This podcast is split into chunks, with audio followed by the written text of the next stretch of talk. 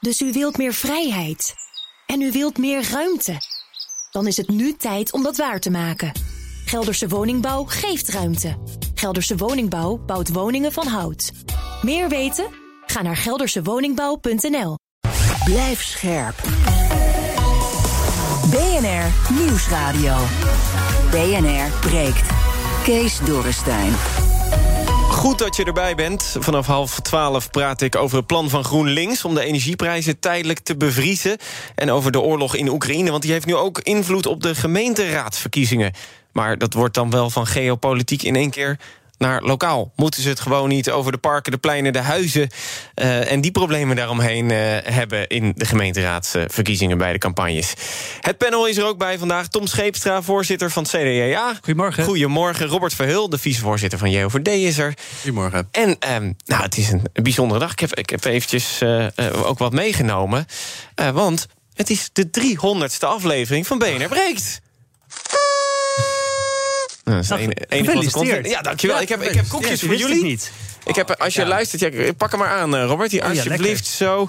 Ik heb uh, geen koekjes voor als je luistert. Want ja, je, je bent niet uh, hier in de BNR-studio. Maar je kan wel gratis bellen. 020 468 4x0. Helemaal gratis, allemaal voor jou geregeld. BNR breekt.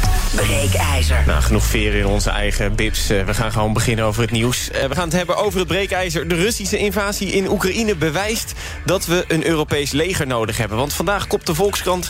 Uh, we kijken, Europa ziet ineens hoe zwak zijn defensie is. Verschillende militair deskundigen die zeggen dat we wakker worden in Europa. Dat de neuzen wat meer dezelfde kant op komen te staan. En dat er meer investeringen komen in defensie. Iets waar de NAVO natuurlijk al jaren op hamert. Namelijk grondstrijdkrachten en vuurkracht erbij. Maar ja, dat roept ook de vraag op, moeten we niet een stap verder gaan? Daarom kan jij reageren op het breekijzer. De Russische invasie in Oekraïne bewijst dat we een Europees leger nodig hebben.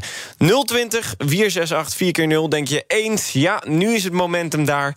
Europees leger voor elkaar? Of denk je, oneens. Alle landen die kunnen het gewoon prima zelf regelen. Maar nou, misschien moet er wel even wat extra geld erbij. Of denk je nee, alles is goed zoals het is. 020 468 4 keer 0. En daar praat ik eh, niet alleen met het panel over, ook met uh, Lotje Boswinkel, die is analist bij het Den Haag Centrum voor Strategische Studies, HCSS. Goedemorgen. Goedemorgen. Ja, Lotje, um, om met jou te beginnen. De Volkskrant die kopt dus dat uh, in één keer heeft Europa door dat de defensie zwak is. Uh, ja, dan denk ik toch ook van hoe pijnlijk is het dat we daar een oorlog voor nodig hebben gehad, dat we dat nu pas beseffen. ja, dat is uh, inderdaad wel waar. Uh, je ziet wel dat de afgelopen jaren er natuurlijk ook al wat steeds meer wordt gesproken over strategische autonomie. En dat uh, we dus al wel een tijdje een trend zien waarin er meer over wordt gepraat. Maar dat is precies waar de EU altijd op wordt afgerekend. Dat het vooral heel erg blijft bij retoriek en weinig actie. En het lijkt inderdaad dat er nu wel een, ja, een, een kanteling daarin plaatsvindt. Dat uh, dit misschien wel een breekpunt gaat zijn. En uh, komt dat dan door Rusland of doordat Duitsland nu heeft gezegd... Ik, we gooien er extra geld bij, 100 miljard. Want Duitsland was eigenlijk altijd het land dat zich een beetje... kont tegen de krip gooide wat dat betreft, hè? Ja, uh, ik denk dat de Duitse omslag uh, van dit weekend enorme impact gaat hebben. Je ziet dat het ook niet alleen bij Duitsland nu blijft. Uh, in, ja, in, in steeds meer landen zie je dat nu de discussie opkomt... van moeten we meer gaan uitgeven... Uh, Frank, de Fransen zaten natuurlijk al langer uh, te pushen voor meer uh, ja, Europese defensie. en je ziet nu ook zelfs dat landen zoals Ierland en Denemarken uh, ja, hun, hun, hun budgetten willen gaan... Uh, ja, Lotte, je valt ondertussen een beetje, uh, een beetje weg. We praten zo meteen weer even oh. verder. kijk even goed dat je in de microfoon praat... en ik, ik laat ja, de techniek sorry. eventjes je verbinding nog eventjes testen... voor de zekerheid. Ga ik naar het panel. Tom, het breekijzer is de Russische invasie in Oekraïne... bewijst dat we een Europees leger nodig hebben. Eens of oneens? oneens. We hebben sterkere Europese legers nodig. Dus eerst de nationale legers versterken... en daar is echt nog hartstikke veel te winnen. Als we kijken naar Nederland, uh, nou ja, de tanks die zijn al bezuinigd. Ook in de marine, daar kan echt nog uh, meer kracht bij. Ook op cyber zijn we hartstikke goed, maar kunnen investeringen uh, nou echt nog wel wat, wat verder. en als we kijken Roemenië, daar is laatst een, een vliegtuig ja, waarschijnlijk door slecht weer neergestort. Maar dat vliegtuig dat was al tientallen jaren oud. Dus we zien gewoon dat er bij Europese landen gewoon hartstikke veel achterstallig onderhoud is. En dan zeg ik, ga eerst eens nationaal verbeteren en versterken. Maar kijk wel, hoe kun je samenwerken? Dus Nederland werkt al heel nauw samen met Duitsland. Ook al met eh, de marine in België. Laten we eerst dus die samenwerking versterken. Ja, pas op met op de tafel slaan. We horen de hele tijd getik. maar ik snap wel, je, je wil je punt uh, graag. Ja, het is hartstikke belangrijk dat we wel gaan samenwerken. En dat er dus meer naar defensie. Dus ik ben hartstikke blij dat Duitsland nu zegt, die 100 miljard. En dat ook in Nederland linkse partijen zeggen. Nou, Misschien waren we een beetje dom, toch wat meer geld naar defensie. Maar uh, je zegt uh, eerst het defensieapparaat even opknappen.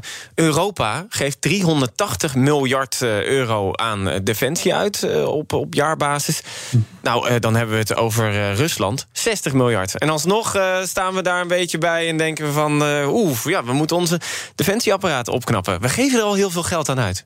Ja, we geven er hartstikke veel geld aan uit. En toch doen we dat nog niet op een goede, effectieve manier. Als we zien dat er bijvoorbeeld hartstikke veel verschillende soorten vliegtuigen zijn, verschillende soorten uh, marineschepen, dan kunnen we daar als Europa echt nog wel een slag uh, slaan. Dus daarom zeg ik, ga het ook goed benutten. Hè, dat je iedere euro. Ik doe nu met mijn vuist in de lucht. Heel goed. um, hè, maar, de webcamkijker die snapt dit, uh, Tom, heel goed. Ja, dat je dus daar ook, ook gaat kijken van hoe kunnen we iedere euro goed besteden. Robert, wat vind jij van de stelling? Eens of oneens? Wij zijn het ook uh, grotendeels oneens. Het is een, altijd een lastige discussie. Je zegt wij als, als JOVD, ja, als JOVD ja, ik, Je begint al direct als een politicus te praten. Ik begin de majestueuze pluralisme, moet je dat zeggen, volgens mij. Nee, uh, het is een hele lastige discussie. Omdat je bij een Europees leger kan je altijd... valt een heleboel over. Sommigen hebben het echt over een Europese krijgsmacht. Andere mensen hebben het dus inderdaad over uh, samenwerking. Maar ik denk echt het streven naar één Europees leger... dus één Europese krijgsmacht... dat moeten we voorlopig nog echt niet gaan doen. Maar waarom niet? Nou, het is best wel lastig. Want um, je hebt sowieso taalbarrières, cultuurbarrières... Uh, die je moet overwinnen. Ja, dat heb je in het voetbal ook. En uh, er zijn toch teams uh, met elf verschillende nationaliteiten die de Champions League winnen. Ja, maar je ziet dus bij, het, bij een defensie is dat toch wel een stuk lastiger. Ook met de cultuur, maar ook omdat er veel meer commando's zijn om af te spreken. Nu kan je afspreken, nou die doen we dan allemaal in het Duits of in het Engels. Maar toch is het lastiger om met elkaar te communiceren. Je moet juist zeker op zo'n slagveld moet je heel goed met elkaar kunnen communiceren.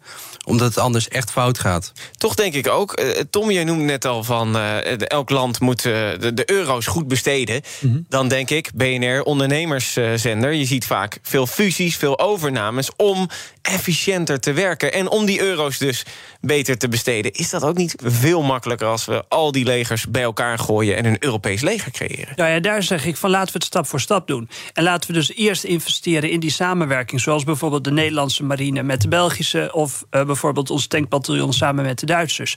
Uh, daar zijn we in Nederland echt heel vooruitstrevend in. Dat maar, zien we in andere Europese landen nog niet. En dan denk ik stap voor stap. Want als we nu zeggen, gelijk dat einddoel, een Europees leger dan gaat dat misschien ook wel schoppen tegen schenen. Maar dan, uh, kijk, nu moet je investeren in grondtroepen, in de marine, en al, al, dat soort takken van defensie. Dan kan je bewijzen van zeggen: kijk, Nederland is een uh, waterland. Wij gaan uh, op, op, op het water focussen, op de schepen, op de onderzeeërs. En dan doen andere landen, die doen bijvoorbeeld meer de grondtroepen. Dat kan toch veel efficiënter, Robert? Nou ja, ik denk wel dat het zeker, maar dan moet je meer kijken in, met de NAVO dat ieder land een soort specialisme krijgt. Uh, dus dat je wel een soort specialisme gaat verdelen. Dat wordt nu ook al gedaan. Bijvoorbeeld onze marine is heel goed in het, uh, met de onderzeedienst... en met het bestrijden van onderzeeboten. En dan zijn we op andere... onze fregatten kunnen andere dingen weer minder. Dus dat wordt al deels verdeeld. Maar ik denk dat ieder land, ieder soeverein Europees land... wil ook nog steeds zijn eigen defensie hebben... om in het geval van nood zelf de defensie... Geval, als een ander Europees land ons toch besluit nou, binnen te vallen? Nou ja, het leger doet natuurlijk meer. Bijvoorbeeld het Nederlandse uh, leger heeft ook geholpen... bij de overstromingen in Limburg. En ze doen ook de um, grensbewaking bij, onze, uh, bij Curaçao, Aruba en Bonaire. En daar verdedigen ze ons tegen Venezuela. En dat, daar is, doet de NAVO niks aan. Onze, als wij aangevallen worden op, op, Venezuela, op uh, Curaçao... dan worden wij niet gesteund door de NAVO omdat we binnengevallen worden. Nee, 020 468 4 keer 0 Wat vind jij van, de, van het breekijzer? De Russische invasie in Oekraïne bewijst dat we een Europees leger nodig hebben. Shaila, goedemorgen. Goedemorgen. Oh, de verbinding is erg slecht, Shaila. Uh, eens of oneens? Oneens, want uh, we kunnen hier onze afspraken niet eens nakomen. En dan gaan we buiten, in buitenland eerste van de klas willen zijn. Dat, uh, dat gaat niet goed. Dankjewel voor jouw reactie, Sheila. Ik houd kort, want de verbinding was helaas uh, wat te slecht. Uh, ik zie een reactie van Fred, die zegt on oneens wat dat betreft. wel een intensieve onderlinge samenwerking in NAVO-verband voorstreven. meneer Hogeboezem, goedemorgen. Ja, goedemorgen. Ik ben tegen. Omdat dat oude Duitse politiek is. Want ze zijn er alleen maar op uit om oorlog met Rusland te voeren. En bovendien, we hebben de NAVO al. Het is gewoon waanzin. En trouwens, waarom... Uh, deze oorlog is al tien jaar aan de gang, hè? Maar we doen niks tegen nou, Oekraïne, want dat, uh, omdat het oh, mensen zijn, de Russen. Sorry? Waarom, ze hadden dus moeten dwingen om de Oekraïne te stoppen met die oorlog in de Donbass. Dat akkoord lag er ook. Ah, jij bent, uh, jij bent voorstander van de Russen, begrijp ik. Nee, ik ben tegen oorlog. Want wat er nu gaat gebeuren, ze gaan Kiev omsingelen... en ze gaan het net zo lang platgooien tot Zelensky het opgeeft. En ik hoorde vanmorgen vijf opties hè, bij uh, Bas van Werven. Mhm. Maar die optie dat Zelensky het opgeeft, heb ik niet gehoord. Nee, maar je, dat is namelijk de oplossing. Ja, maar kan je niet bedenken dan dat als wij door de Duitsers... Uh, bewijzen van binnengevallen zouden worden... omdat zij denken dat stukje Enschede, dat is toch ook wel erg Duits... dat willen we er wel bij hebben, dat, uh, dat we de oorlog dan moeten beëindigen... om door Rutte af te laten zetten. Dat is, is, toch gek? Het is niet het is niet aan de orde. Wij zijn niet in oorlog met Rusland. En ik vind het waanzinnig wat Rutte vertelt. En dat we de Oekraïners gaan bewapenen, dat gaat alleen maar die oorlog verlengen. Ja, maar op zich... Rutte moet Rusland is weg. toch... Het is waanzinnig. En bovendien, die Russen hebben... Je moet, eens, je moet eens luisteren wat Poetin zegt. En je moet gaan luisteren wat uh, Lavrov zegt. Daar moet je naar gaan luisteren. Ja, luisteren naar de, de Russen en zo eh, de uh, invasie van Oekraïne misschien goed praten wat dat betreft. Dankjewel, meneer Hogeboezem. En Rob nog eventjes. Rob, goedemorgen. Ja, goedemorgen met Rob de Bult. Nee, ik vind dat het zo prima werkt. Vooral wat betreft omdat Rusland uh, een beetje dreigt met kernwapens. Kijk, als wij dat... Uh, we moeten aangekoppeld blijven aan de Amerikanen. En juist uh, de, en ook de Engelsen om dat te kunnen pareren met tegendreiging. Met afschrikking. Want als we alleen Europese leger... dan blijft alleen de Franse de frap over. En die is gewoon veel te klein. Die hebben maar vier... je moet het hebben van de onderzeeërs. Ja, de, met Rob, raketten. Dankjewel voor jouw reactie. De, de verbinding ja, de, de, de, telefoonlijnen hebben het wat zwaar uh, vanmorgen. Ja, um, uh, maar wat jou betreft, ik zie ook nog een reactie uh, getypt bij jouw naam staan. dat je zegt, in NAVO-verband moeten we dit blijven doen. BNR breekt. Kees Dorrestein. Ja, ik ga terug naar onze deskundige van het HCCS, Lotje Boswinkel, analist daar. Um, Lotje, um, we horen veel oneensen binnenkomen. Nu weet ik ook dat op het moment dat we het over Rusland hebben... dat er vaak ook veel uh, pro-Russische mensen uh, bellen en een reactie achterlaten. Uh, dat is een beetje uit verhouding wat dat betreft. Dus dat er veel oneens op mijn scherm staan, dat is ook logisch. Maar ik hoor wel bijvoorbeeld een goed argument van Rob, die zegt: Ja, we hebben toch al de NAVO, dus waarom zouden we een Europees leger nodig hebben? Hoe staat u erin? Ja, nou, um, ik denk als ik over de, de stelling is voor mij, um, hebben wij een Europees leger nodig? Uh, ik denk dat het jammer is dat zodra we het hebben in Europa over, over een sterkere defensie, dat het, het debat heel gauw uitkomt bij een leger. En ik denk dat dat eigenlijk dat is een debat dat al eerder is gevoerd en waarmee je eigenlijk terugkomt bij oude verdeeldheid en waardoor je eigenlijk afleidt van waar het daadwerkelijk om gaat. Want in Europa hebben we wel een, een, een probleem op het gebied van de defensie, zoals iedereen zou weten. Maar daar, daar moeten in de discussies daarover moet nadruk liggen op het gebrek aan capaciteit en gereedheid dat we momenteel hebben. Bijvoorbeeld als het over het Europese leger gaat, zie je vaak dat we het hebben over een, over een flitsmacht. Um, maar als je die zou inzetten, dan, dan hebben wij in Europa beschikken wij niet over bepaalde capaciteiten. Welke capaciteiten dan? Bijvoorbeeld dat gevechtsvliegtuigen kunnen bijtanken. We beschikken niet over de juiste inlichtingen inlichtingen of communicatiesystemen. Uh, nou ja, je kan er heel veel opnoemen. Bijvoorbeeld een, die, ja, bepaalde drones die we niet hebben. Dus ik denk als. Um, en daarnaast zie je dat bijvoorbeeld in Europa we ook gewoon niet tot nu toe, en dat gaat misschien wel een beetje verschuiven, maar niet alle kant, hoofden dezelfde kant op hebben staan. En ik denk, als we het gaan hebben over Europese defensie en de roep om, voor Europa om meer te doen, um, dan is er zeker wel iets weggelegd. En ik denk ook een rol voor de EU. Uh, die kan bijvoorbeeld, want je ziet dus, nou oké, we hebben dus een aantal capaciteiten uh, niet. Uh, en we moeten dus beter gaan coördineren dat die verschillende capaciteiten worden aangekocht of ontwikkeld, uh, zonder dat daarbij duplicatie komt. maar wel dat we de juiste gaten opvangen. Oké, okay, wat, wat ik hoor is coördinatie vanuit de EU, maar niet per se een Europees leger. Nou, ik denk als we het nu gaan hebben over een Europees leger, dan kom je in een eindeloze discussie en, en ga je weer heel erg praten. Terwijl we nu moeten focussen op wat nu nodig is en eerst heel veel andere stapjes invullen. En dan gaat het inderdaad over coördinatie van wie ontwikkelt wat. Hoe kan je de industrie in Europa samenbrengen dat ze samen dingen ontwikkelen of juist uh, op verschillende dingen inzetten.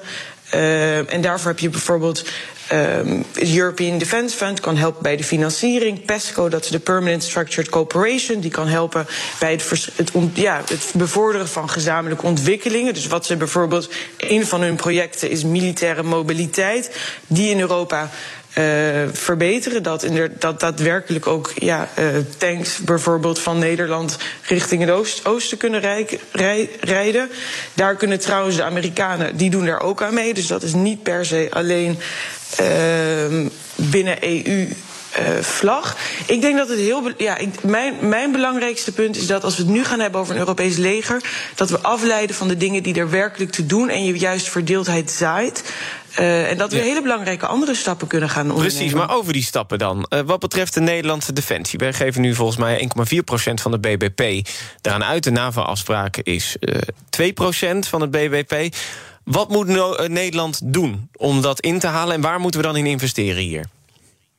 Nou ja, Nederland heeft inderdaad, die zet nu 1,45% in en die bouwt dat op volgens de vorige planning, of volgens de huidige planning, uh, tot 1,85 procent in 2024. Want het doel van Nederland was niet om de 2 procent doel, uh, de 2 procent eis van de NAVO te halen, maar het Europese NAVO-gemiddelde. En dat zou 1,85 procent zijn in 2024. Dus daar hebben wij op ingezet. Nu denk ik wel dat uh, dat omhoog zal gaan, want dat zie je al nou ja, met, de, met de huidige, ja, hoe noem je dat? dat Duitsland nu heeft ingezet op, op meer geld, net als Polen. Dus ik denk dat dat omhoog gaat en dat Nederland daardoor ook niet kan achterblijven. Natuurlijk zie je ook wel dat als we in een recessie terecht gaan komen. Uh, dat we dan ook. Ja, dan moet er weer bezuinigd worden, natuurlijk. Maar, um... Nou ja, maar dan daarmee, als, als de economie krimpt, dan, dan gaat zo'n percentage gaat ook natuurlijkerwijs omhoog. Maar ik denk dat wij wel ergens in de aankomende weken ook tot een besluit gaan komen in Nederland dat er toch meer geld naartoe moet. Denkt u dat, uh, dat er binnenkort dan de, de beslissing komt, we gaan toch naar die 2 procent? Ik denk het eigenlijk wel, ja. En, uh, maar waar gaan we dat dan aan uitgeven? Wat is verstandig? Ja, waar gaan we dat dan uitgeven? Nou ja, zo'n zo project als wat ik net al noemde, um, bijvoorbeeld mobiliteit in Europa, dat is een project um, waar, waar zeker uh, op door moet worden gegaan. Ja, um, maar dat, dat is leuk, mobiliteit. Dat ze, dat ze over onze wegen heen mogen rijden. Maar dat is toch niet uh, miljarden, uh, een, een miljardenkostenpost? Nee, maar kijk, uh, binnen Defensie heb je. Um, ik, waar, waar we moeten voor oppassen is dat voor ons hogere defensiebudgetten puur gaan liggen op het, op het kopen van nieuwe um, of van meer wapensystemen. Uh, in Europa zie je dat bijvoorbeeld ook een tekort hebben aan voorraden. Dus dan hebben we wel een Patriot-systeem, dat is een luchtverdedigingssysteem, maar maar een beperkt aantal raketten die je daadwerkelijk daarin gaat, sturen, in gaat zetten. Dus het aankopen van meer voorraden um, is heel belangrijk. Bijvoorbeeld ook wat een punt is, is dat we onze wapensystemen die we al hebben, we veiliger kunnen maken voor cyberaanvallen.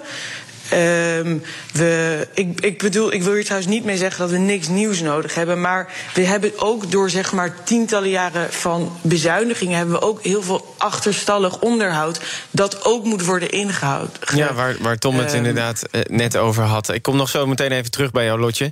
Um, 020 468 4 keer 0. De Russische invasie in Oekraïne bewijst dat we een Europees leger nodig hebben. Ik zie Nick, die zegt, uh, die is het oneens. Het systeem van Europa is te traag en niet toegerust om een leger te maken. Veel gesproken. Er wordt te veel gesproken. En dan ook weer over besparen van kosten. Dat vindt hij. Uh, Kees die zegt, ja, de NAVO is goed georganiseerd. Kan toch prima zo geregeld worden. En Rudy, goedemorgen. Goedemorgen. Jij bent het eens uh, met het uh, breekijzer. Waarom? Ik ben het eens met breekijzer. Ik ben het eens omdat uh, uh, eigenlijk uh, de Europese leger opgezet moeten worden. Maar ik denk dat je eerst moet beginnen met landen die het Engels gewoon goed begrijpen, weet je wel. Want dan kan je gewoon sneller, sneller schakelen. Maar ja, dan, en, zitten we, dan kunnen we Duitsland al afschrijven. Ik weet niet of je er ooit bent geweest, maar daar spreken ze toch wel beperkt nou, Engels. In Duitsland spreken ze ook steeds meer Engels. Ik doe veel zaken met Duitsland. Dus wat dat betreft valt het wel mee. Maar dat zou wel een van de dingen wezen. En ook het feit dat Duitsland en Nederland gewoon veel meer moet doen. Ook, want we hebben nou natuurlijk maar gewoon een soort van padvinderij. We hebben geen tanks, we hebben geen vliegtuigen. Dat is een van de redenen ook dat wij uh, niks kunnen doen in de Nou, Oekraïne. We, we hebben er wel wat, hè? Natuurlijk, tanks en vliegtuigen. Ja, maar we hebben niet genoeg. Want uh, kijk eens, als uh, de haven aangevallen wordt... dan hebben we te weinig uh, patriots om de rest van het land te beschermen. Want dat, zo klein is dat namelijk, weet je wel. Ze hebben wel patriots-raketten, maar raketten hebben ze haast niet. Dus de, het enige wat je kan verdedigen is de haven. En we moeten veel meer legers aan de randen van Europa hebben, weet je wel. Ik heb zelf familie in Rusland wonen. En ja, die onderdrukking wordt steeds groter. Dus ja, het feit is van als Europa nu niet gauw op gaat staan... met materieel, ja, dan is het gewoon klaar. Dan, is het, dan houdt het ook op, weet je wel. En daarom is het ook... Uh, ik vind het trouwens ook vreemd dat uh, Europa niet als een gek uh, wapensystemen inkoopt, weet je wel. Op de, op de markt is er genoeg te krijgen. Lijkt me duidelijk, Rudy. Dankjewel ja. voor jouw reactie. Marnix nog eventjes. jij zegt, ik ben het eens, gewoon doen, dat Europese leger. Waarom? Nou ja, dat is eigenlijk uh, uh, simpel. de Europese Unie is op dit moment vooral een economische unie. Ik geloof wel dat er wat afspraken zijn over wederzijdse verdediging, maar die zijn lang niet zo sterk als in de NAVO. Maar wat doen we nu als een land als Finland of Zweden, wat wel in de EU zit, maar niet in de NAVO, wordt aangevallen? Dan, dan raakt dat onze economische unie veel sterker dan wat er gebeurt in Oekraïne. En dan hebben we geen collectieve afspraken om dat goed te verdedigen. En dat klopt niet in deze wereld. Daar komen we nu achter. Dus wat dat betreft zouden er betere afspraken moeten zijn over collectieve defensie. En ja, dat mag je de paraplu leger geven, dat mag je ook anders noemen. Maar ik, in mijn ogen moet daar wel meer gebeuren, ja. Duidelijke afspraken maken, zeg, zeg jij Marnix. Dankjewel. Robert, je wil hierop reageren? Ja, ik wil wel op reageren, want we hebben als EU ook wel afspraken gemaakt... als er een bondgenoot wordt aangevallen, namelijk een EU-lidstaat. We hebben namelijk in het Europese verdrag ook een artikel 5 afgesproken. Ja, en die is nog veel strenger Die dan gaat de veel NAVO, verder dan die van de NAVO. Bij de NAVO zou je nog kunnen zeggen van... nou, we sturen wel wat cybertroepen, dan mag je het daarbij uitzoeken. Maar als we in de EU hebben echt afgesproken... dat we echt veel sterker naast elkaar gaan staan. Dus mocht Finland aangevallen worden... dan staan we, moeten we als uh, Nederland daar echt bij helpen. Dus Ja. veel verder dan als een uh, Maar ook Estland, Amerika. Letland en Litouwen natuurlijk. Hè? De Baltische staten die gewoon tegen Rusland aanliggen. Ja, die zou dan eigenlijk met uh, twee verdragen beschermd worden. Want en de NAVO moet meehelpen... en uh, Finland moet ons nog meehelpen. Want het is een EU-land, maar niet lid van de NAVO. Nog niet lid van de NAVO. Ja, ik ga nog Ja, even... En wat je nu ook ziet, is dat de landen om Rusland heen. En zeg maar de grens tussen Rusland en de EU. Die willen nu allemaal naar de EU. Dus volgens mij heeft Georgië twee dagen geleden in het parlement gezegd: van wij gaan uh, Ja, proberen om spoed. En, en spoed in uh, de Europese Unie is 15 jaar. Hè? Nou ja, maar het is wel een signaal, denk ik. Dat is eh, dat we daar, maar dat, eh, dat betekent er wel, uh, Lotje, op het moment dat we dus opschalen, dat, dat je dat ook verwacht dat Nederland dat gaat doen. Is dat, heeft dat een genoeg afschrikwekkende werking tegen de Russen? Of jagen we juist Poetin in het harnas omdat er een sterkere militaire macht tegen zijn grenzen aan zit? Nou, ik denk dat. Uh, ik denk, kijk, we weten niet hoe, hoe Poetin bepaalde acties zal gaan framen of uh, al doet. Uh, maar ik denk dat uh, we zeker als Europa moeten gaan investeren. En um, dat daardoor ook uh, Amerika, die, die, die, die is nu natuurlijk erg betrokken. Maar er wordt altijd wel ver, verwacht van hey, die zal de aankomende jaren juist ook veel meer haar blik. En dat hebben ze al een tijdje op, de, ja, op China en op Azië hebben. Ja, onder Trump uh, was het eigenlijk zo van Europa. Los het zelf maar op wat betreft de NAVO. Ik wil dat wij een kleinere rol gaan spelen. Precies, precies. En um, dat is niet geheel anders onder Biden. Um, ook onder Biden wordt geroepen dat, dat we sterker moeten zijn. En we weten natuurlijk ook niet welke uh, presidenten er allemaal nog komen in het Witte Huis. Misschien toch weer een uh, Trump, hè? Dat zou zomaar eens kunnen. Ja, wie weet. Ja, dus, um, maar oh, tot slot om af te sluiten met jou, uh, Lotje. Ja? Um, moeten we als Europa zijnde iets meer, uh, of iets meer... moeten we als Europa zijnde gewoon een duidelijke militaire macht worden... die wat minder afhankelijk is van andere NAVO-landen? Ja, zeker weten. En eh, we geven nu 380 miljard uit op jaarbasis. Rusland maar 60 miljard. Hoeveel moet dat worden wat jou betreft? Ja, over die 60 miljard versus 380 miljard, dat is natuurlijk een enorme disbalans. Daar moet je wel bij onthouden dat Rusland die ontwikkelt alles binnenland, waardoor zij veel meer kunnen kopen voor de miljarden die ze hebben. Dus uh, het is niet helemaal een correcte vergelijking. Uh, ik zou je niet durven zeggen hoeveel geld we dan wel nodig hebben. Uh, en wat ik inderdaad ook al eerder benoemde, het gaat niet het gaat, het gaat ook om het beter coördineren en integreren uh, ja, van de verschillende ja. eenheden. Um, maar ik denk dat in eerste instantie de stap gewoon moet zijn dat heel Euro, heel NAVO Europa in ieder geval aan die 2% doet. Uh, maar over hoe, wat precies ja, de ondergrens is voor een effectieve, dat, dat heb ik niet berekend. Ja. En, Om het op de, op de Zuidas te zeggen, onze militaire, onze defensie eigenlijk in Europa moet gewoon een beetje lean en agile worden, wat dat betreft. Nee, ik zie, ik zie Tom en Robert ja, ook heel erg fronsen. Sorry, jongens. ik, ik, zeg dan, we hebben een coherent plan nodig. Want we zien hè, de, de mobiliteit. Maar dat kan toch ook lean en agile zijn? Maar,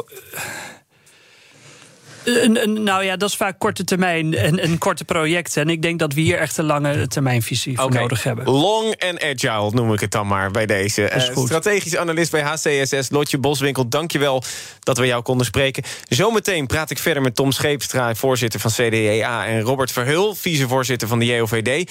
En dan vooral over het Mediaweekoverzicht. Een boze Biden, boze buren van Siewert... en een hele blije en vooral hele rijke Max Verstappen. Dus u wilt meer vrijheid. En u wilt meer ruimte. Dan is het nu tijd om dat waar te maken. Gelderse Woningbouw geeft ruimte. Gelderse Woningbouw bouwt woningen van hout. Meer weten? Ga naar geldersewoningbouw.nl. Blijf scherp. BNR Nieuwsradio. BNR breekt. Kees Dorrestein. Goed dat je erbij bent. En ik ben er niet alleen. Ook in mijn panel vandaag Tom Scheepstra, voorzitter van CDJA. Hoi. En nog steeds hier Robert van Hul, vicevoorzitter van de JOVD. Ook nog hier, je hebt net een koekje gegeten. Dus ik ga je niet vragen dat je iets moet zeggen. Je barst nu een beetje... Op de webcam ziet het erg grappig uit. Ja, dat is die 300ste aflevering, hè? Ja, precies. Ik, ik snap jou heel goed, Tom. Wil je ook een koekje, Robert? Dus even, even de VVD stil, hè? Dan kun, je, kun jij weer lekker praten.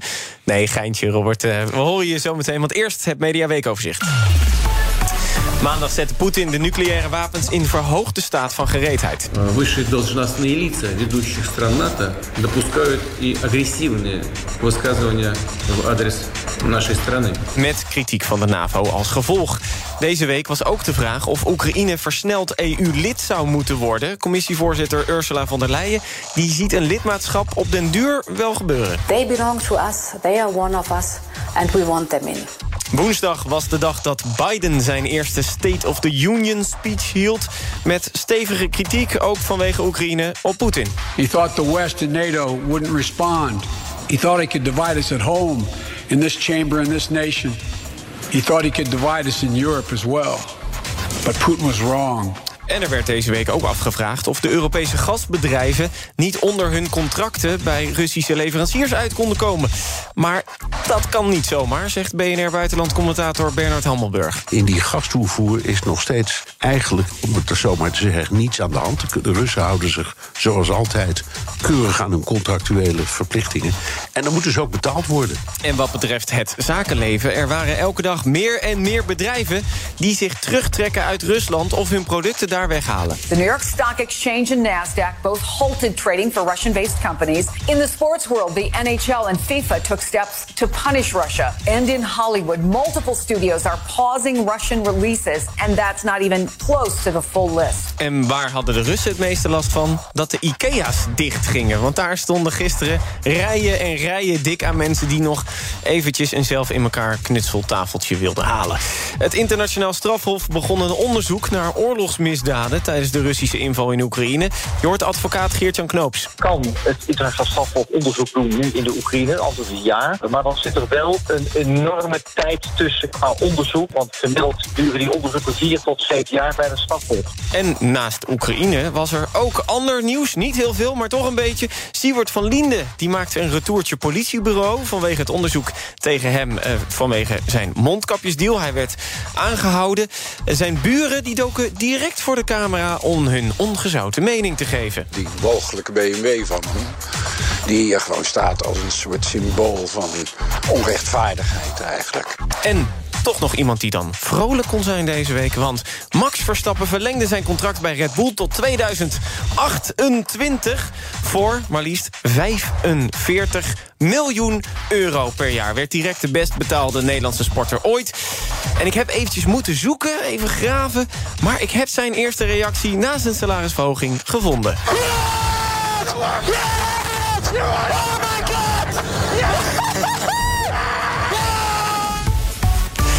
Ja, jongens, ik moet alleen maar betalen als ik hard rijd. Maar uh, Max Verstappen, die, uh, die harkt het gewoon eventjes binnen. Dat is een mooi privilege. Verdient hij het, 45 miljoen? Ik vind wel heel veel geld. Uh, ja, hij verdient het. Maar misschien als je goed zou, bent, mag je toch ook wel wat misschien verdienen? zou, ja, misschien zou het mooi zijn dat iedereen die nu heel veel verdient... ook iets gaat bijdragen voor Oekraïne. Oké, okay, okay, dat is Ja. wat, wat, soort wat, een, wat polderoplossing weer van je Tom Scheefstra. Robert, verdient hij het? 45 miljoen? Ja, ik, ik kijk echt geen Formule 1, dus ik zou het. eh, ik vind het moeilijk. maar kijk, als iemand echt heel goed eh, is in iets wat hij doet. en hij heeft natuurlijk heel veel mediecontracten. ja, dan op een gegeven moment moet het ook gewoon kunnen.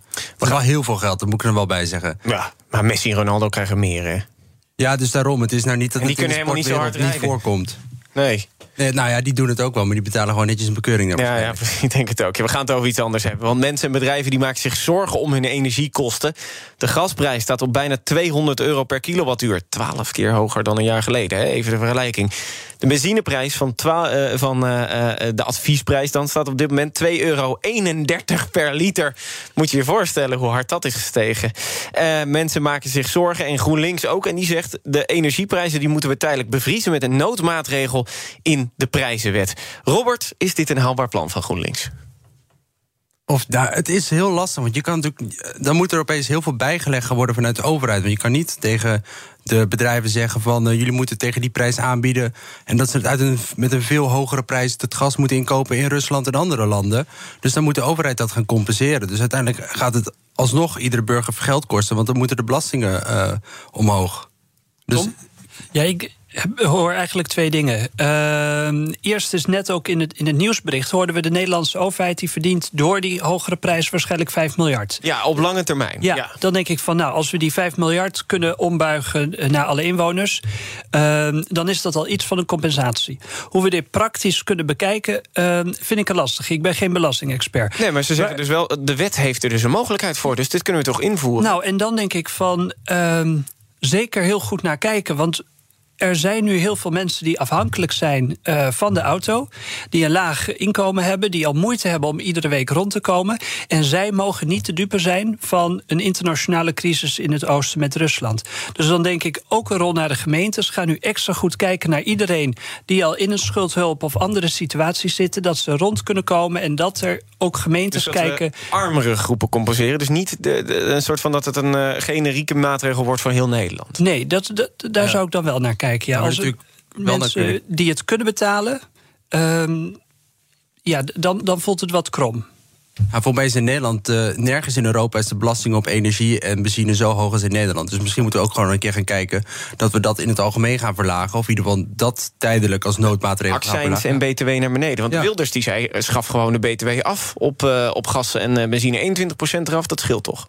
Nou ja, of helemaal afschaffen we- weet ik niet hoe dat eh, precies werkt. Maar ik denk wel dat we bijvoorbeeld naar het lagere btw-tarief zou kunnen van 6%. Dus en, dat, en, en de accijnsen daar ook eventjes op inleveren. Want ik, daar, daar verdient de overheid nu toch wel stevig aan. daar verdienen ze heel veel geld aan. En het is ook gewoon. eh, dus dat, en dat blijft ook alleen maar groeien. Dus ik denk dat we daar ook gewoon naar moeten kijken. Dat dat eh, tijdelijk wellicht omlaag kan. eh, dat we dat kwartje van Kok toch een keer eh, terugkijken. Het kwartje van Kok. Potverdikkie, hoe, hoe oud ben je, Robert? Ik ben 25. 25. De, de, de, de millennials van nu die zeren nog steeds over het kwartje van Kok van Nou toen, ja. joh. Dit is eh, hartstikke ver- ik heb geen rijbewijs, dus ik heb er niet heel veel last van. Maar de andere mensen wel. Nee, maar je hebt, je hebt wel een huis. Of je huurt, of... of... Ik woon nog bij mijn ouders. Ja, maar dan draag je nog wat bij of betalen de ouders alles zelf? Eh, Want die, die hebben ook energiekosten dan. ja, die hebben wel energiekosten, maar ik, ik draag daar niks bij. eh, ik bedraag bij met mijn studiekosten. Maar ik ben ook wat blij dat ik net mijn huurcontract heb getekend. Want ja, ik kan me voorstellen dat als ik een maand later was... gaat het opeens om, omhoog, omdat gaswater licht er allemaal Nou, bij zit. het, is, het is echt absurd. Ik Ja. moet binnenkort een nieuw contract. Nou, ik eh, mag drie Nee. keer, vier keer zoveel gaan betalen. wij hebben nog geluk. We zijn vorig jaar verhuisd en we hebben hem toch gewoon voor drie jaar vastgelegd. Dus, eh, Echt waar? Wat een Dat is echt... eh, alsof jullie de bol van Nostradamus hadden. Ja, we hebben gewoon zo'n glazen bol thuis staan. En toen zagen we dit allemaal En de gebeuren. energieprijzen. eh, dat, eh, wa- nog even een extra dingetje. Want eh, Eurocommissaris Timmermans... die zei bij BBC Radio 4... dat eh, hij zegt, ja, het zou eigenlijk wel goed zijn... of in ieder geval, ik, ik, ik snap het wel als landen nu zeggen... we gaan nog even langer door met kolencentrales... Het, het, plannen wat betreft eh, eh, Fit for 55 komen niet in gevaar. En dan kunnen ze nog even niet aan die gasgestookte centrales... want dat is gewoon te duur. Heeft hij daar ja, een punt? e- eindelijk. Ehm, want het is hartstikke mooi om idealistisch te zijn... maar we moeten nu even reëel gaan kijken... omdat het mensen hartstikke raakt in portemonnee en in het eh, leven. En dan vind ik het goed dat hij zegt... kolencentrales waar nodig eh, even open houden... omdat we in een noodsituatie zitten. En hetzelfde, ehm, het is moeilijk om te zeggen... eh, maar ook de kerncentrales... als dat in het westen van Europa op een veilige manier kan... en we zo toch... eh, Maar dat is de een lange energie termijn, hè, kern- kerncentrales. Dat duurt lang, joh. Dat, hebben we daar, dat is niet Nou, voor dit probleem. Nou, toch? maar ook ehm, dat we degene die we nu nog hebben openhouden. Want ook daar is in sommige die, die landen. die we hebben. Nou, nee, maar ik denk Europees. ook in, in België en in Frankrijk is daar discussie over. En dan zeg ik van net als met die kolencentrales, probeer het nog even open te houden. Om dan wel naar een lange termijn groene oplossing te kijken. Ja, eens. Ik zeg niet dat wij in Nederland nu de Beatrix-mijn spontaan moeten gaan openhalen om eh, weer de kolen eruit te gaan halen. Maar ik denk wel dat het goed is om nu te gaan kijken dat we niet alles gaan sluiten wat op de planning stond. Bijvoorbeeld waar Tom het over had, dat Duitsland wil de kerncentrales gaat sluiten. Maar daar zitten ze nu over te twijfelen. Het lijkt me heel goed dat die gewoon open blijven. We Zodat we, kunnen, we kunnen ook gas uit de grond van Groningen blijven halen. Ja, maar dat ligt toch wel eh, heel Dat gevoelig. is dan in eh. één keer weer te gevoelig voor jullie. Nou, ik denk dat het voornamelijk voor de Groningers heel gevoelig ligt. Dus ik denk... Maar wat jou betreft, toch blijven oppompen? Dan kopen we de huizen gewoon op. Ja, we zijn nu alweer meer aan het oppompen, eh, omdat het moet volgens de contracten. Ehm, ik denk alleen niet dat we dat verder moeten gaan opschalen. Of we moeten op dat op zo'n manier gaan doen dat we heel Groningen gaan ontruimen. Eh, en dat mensen daar eh, dus eh, ergens anders een plek krijgen. Maar dat lijkt me zo het, groot. het- het is toch echt idioot. Als we op een veilige manier eventueel kolen en, en eh, kernenergie kunnen opwekken. kernenergie is lange termijn. en Gas kunnen we er zo oppompen, En we toch? gaan dan gas oppompen waar we weten dat het aardbevingen, waar we weten dat honderdduizenden Groningers echt in, in, in wanhoop zitten van wat wordt ons jarenlang aangedaan, waar we denk ik als overheid een ereschuld hebben naar de Groningers. Ja, dan denk ik van laten we nou Maar je zegt net, alsjeblieft we moeten ook- pragmatisch zijn. Dit is toch ook pragmatisch zijn? Eh, eh, nou, dit is een regiogebied, ontzettend veel Groningers. Maar ook Drenthe en Friese, want daar speelt het ook. Ehm, nog eens echt eh, bloed onder hun nagels vandaan halen. Ik heb laatst van iemand de oplossing gekregen. Als we nou gewoon iedere Groninger anderhalf miljoen geven. Er zit nog voor eh 1500 miljard in de grond. Houden we nog 800 miljard over. Het lijkt me. En dan, en dan zijn alle Groningers miljonair. weg. En die kunnen dan ergens anders een huis Denken we kopen. te economisch. Niet Ja. alles is er geld uit te drukken. Het, het leek me ook geen goed idee. Dus u wilt meer vrijheid. En u wilt meer ruimte. Dan is het nu tijd om dat waar te maken. Gelderse Woningbouw geeft ruimte. Gelderse Woningbouw bouwt woningen van hout. Meer weten? Ga naar geldersewoningbouw.nl. BNR breekt. Met in mijn panel Tom Scheepstra van het CDA en Robert Verheul van de JOVD. Eh, Tom, jij wilt hebben over Oekraïne en de gemeenteraadsverkiezingen. Ja, want je zou bijna vergeten, maar over anderhalve week is het al zover de gemeenteraadsverkiezingen.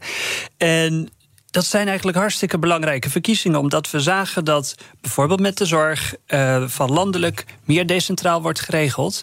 Dus dat we nu echt ook eens ja, aandacht en, ga vooral verdiepen in wat doe je ehm, op, op de stemdag. Maar wat ik wel zie, en dat maakt me zorgen, niet zozeer voor het CDA, maar voor alle partijen, is dat er alweer verkiezingsborden, posters, adviesjes worden gejat, gestolen, eh, eh, overheen wordt getekend. En dan denk ik, kom op. We zien hoe kwetsbaar democratie is in Oekraïne. Laten we nu in Nederland is gewoon met elkaar omgaan. Normen, waarden. En je mag misschien een maar andere waarom mening worden die borden dan eh, beklad? Ja, uh, ik zie het vooral van CDA, maar ook van D66, VVD. Dat zou kartel zijn, dat zou uh, het, het, slechtste met mensen voort hebben. Wie zit er daarachter dan? Als er kartel uh, genoemd wordt, dan ja, heb ik al wel een idee nou ja, Wat we zien is dat er vaak of BBB of PVV of FVD dan overheen wordt geplakt of, of overheen wordt geschreven. Ja, ik ga dan niet zeggen, zij zijn echt de boosdoener ik constateer het wel. Maar kan je niet met die partijen gaan praten dan? Van praten eens met jouw achterban, want dit is toch ook niet netjes? Ja, nou, we hebben ook gezien dat dit de vorige verkiezingen ook gebeurde op landelijk niveau. En dat andere partijen er eigenlijk niet aan. Uh, ja, niet, niet op ingingen zeggen van nou ja, het valt wel mee of het was terecht. En dan denk ik, dat is een zorgelijke ontwikkeling. Want je mag andere meningen hebben, dat is juist goed. We leven in de democratie. Maar zorg nou eens dat je ook met verkiezingen van andermans spullen afblijft. En we hebben gezien, zoveel gemeenteraadsleden hebben het hartstikke druk. Um, want het is nogal wat, 20 uur per week in je vrije tijd. En als we nou op deze manier ook de polarisatie die er is van landelijk naar gemeentelijk niveau, dan maak ik me zorgen dat al die mensen zich überhaupt nog willen inzetten voor gemeentelijke politiek. Gaat het überhaupt niet te veel over uh, te veel? Ja, dan kan je, eh, daar, dat is een waardeoordeel. Maar over Oekraïne en helemaal niet over de gemeenteraadsverkiezingen? Nou, ik hoop dat het uh, komende anderhalve week uh, verandert. En volgens mij beginnen nu ook landelijke debatten, waar ook gemeentelijke kopstukken wel een podium krijgen. Dus ik denk dat dat goed is. Dat we ook niet alleen moeten kijken naar de mensen in Den Haag, maar ook mensen van de regio ruimte. En zal er dan ook niet wat meer dat de Oekraïne in die verkiezingsprogramma's komt van opvang in de regio, minder gas van Gazprom proberen af te nemen of zo? Ik denk dat dat heel goed is. Hè. We hoorden net van uh, Rotterdam dat ze openstaan. Uh, we zien dat heel veel gemeenteraden nu met statements komen. Dat ze ook kijken van inderdaad, wat je zegt, er wordt gas van Gazprom afgenomen. Ehm, dus je kan ook nog wel een link leggen met Oekraïne naar die gemeentepolitiek. Dus laten we dat dan ook vooral doen. Robert? Je ziet ieder jaar natuurlijk wel via de, die discussie met de gemeenteraadsverkiezingen dat het veel over landelijk gaat. Maar ja, nu gaat het uh, stelens nog een stapje erger. We gaan ja, waarschijnlijk... geopolitiek in de gemeente. Dat vind ik toch opvallend.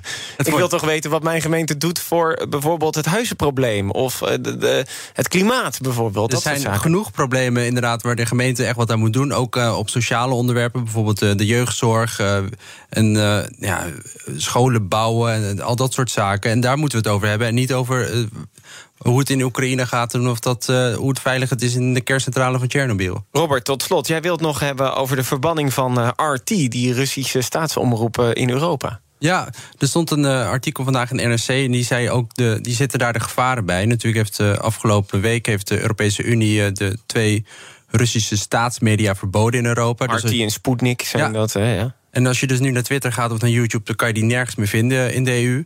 Um, en je ziet ook wel dat heel veel experts daar nu de gevaren voor laten zien. Want um, uiteindelijk zijn wij in Europa altijd tegen censuur. Dat zeggen we ook altijd in Rusland, dat ze zomaar omroepen verbieden.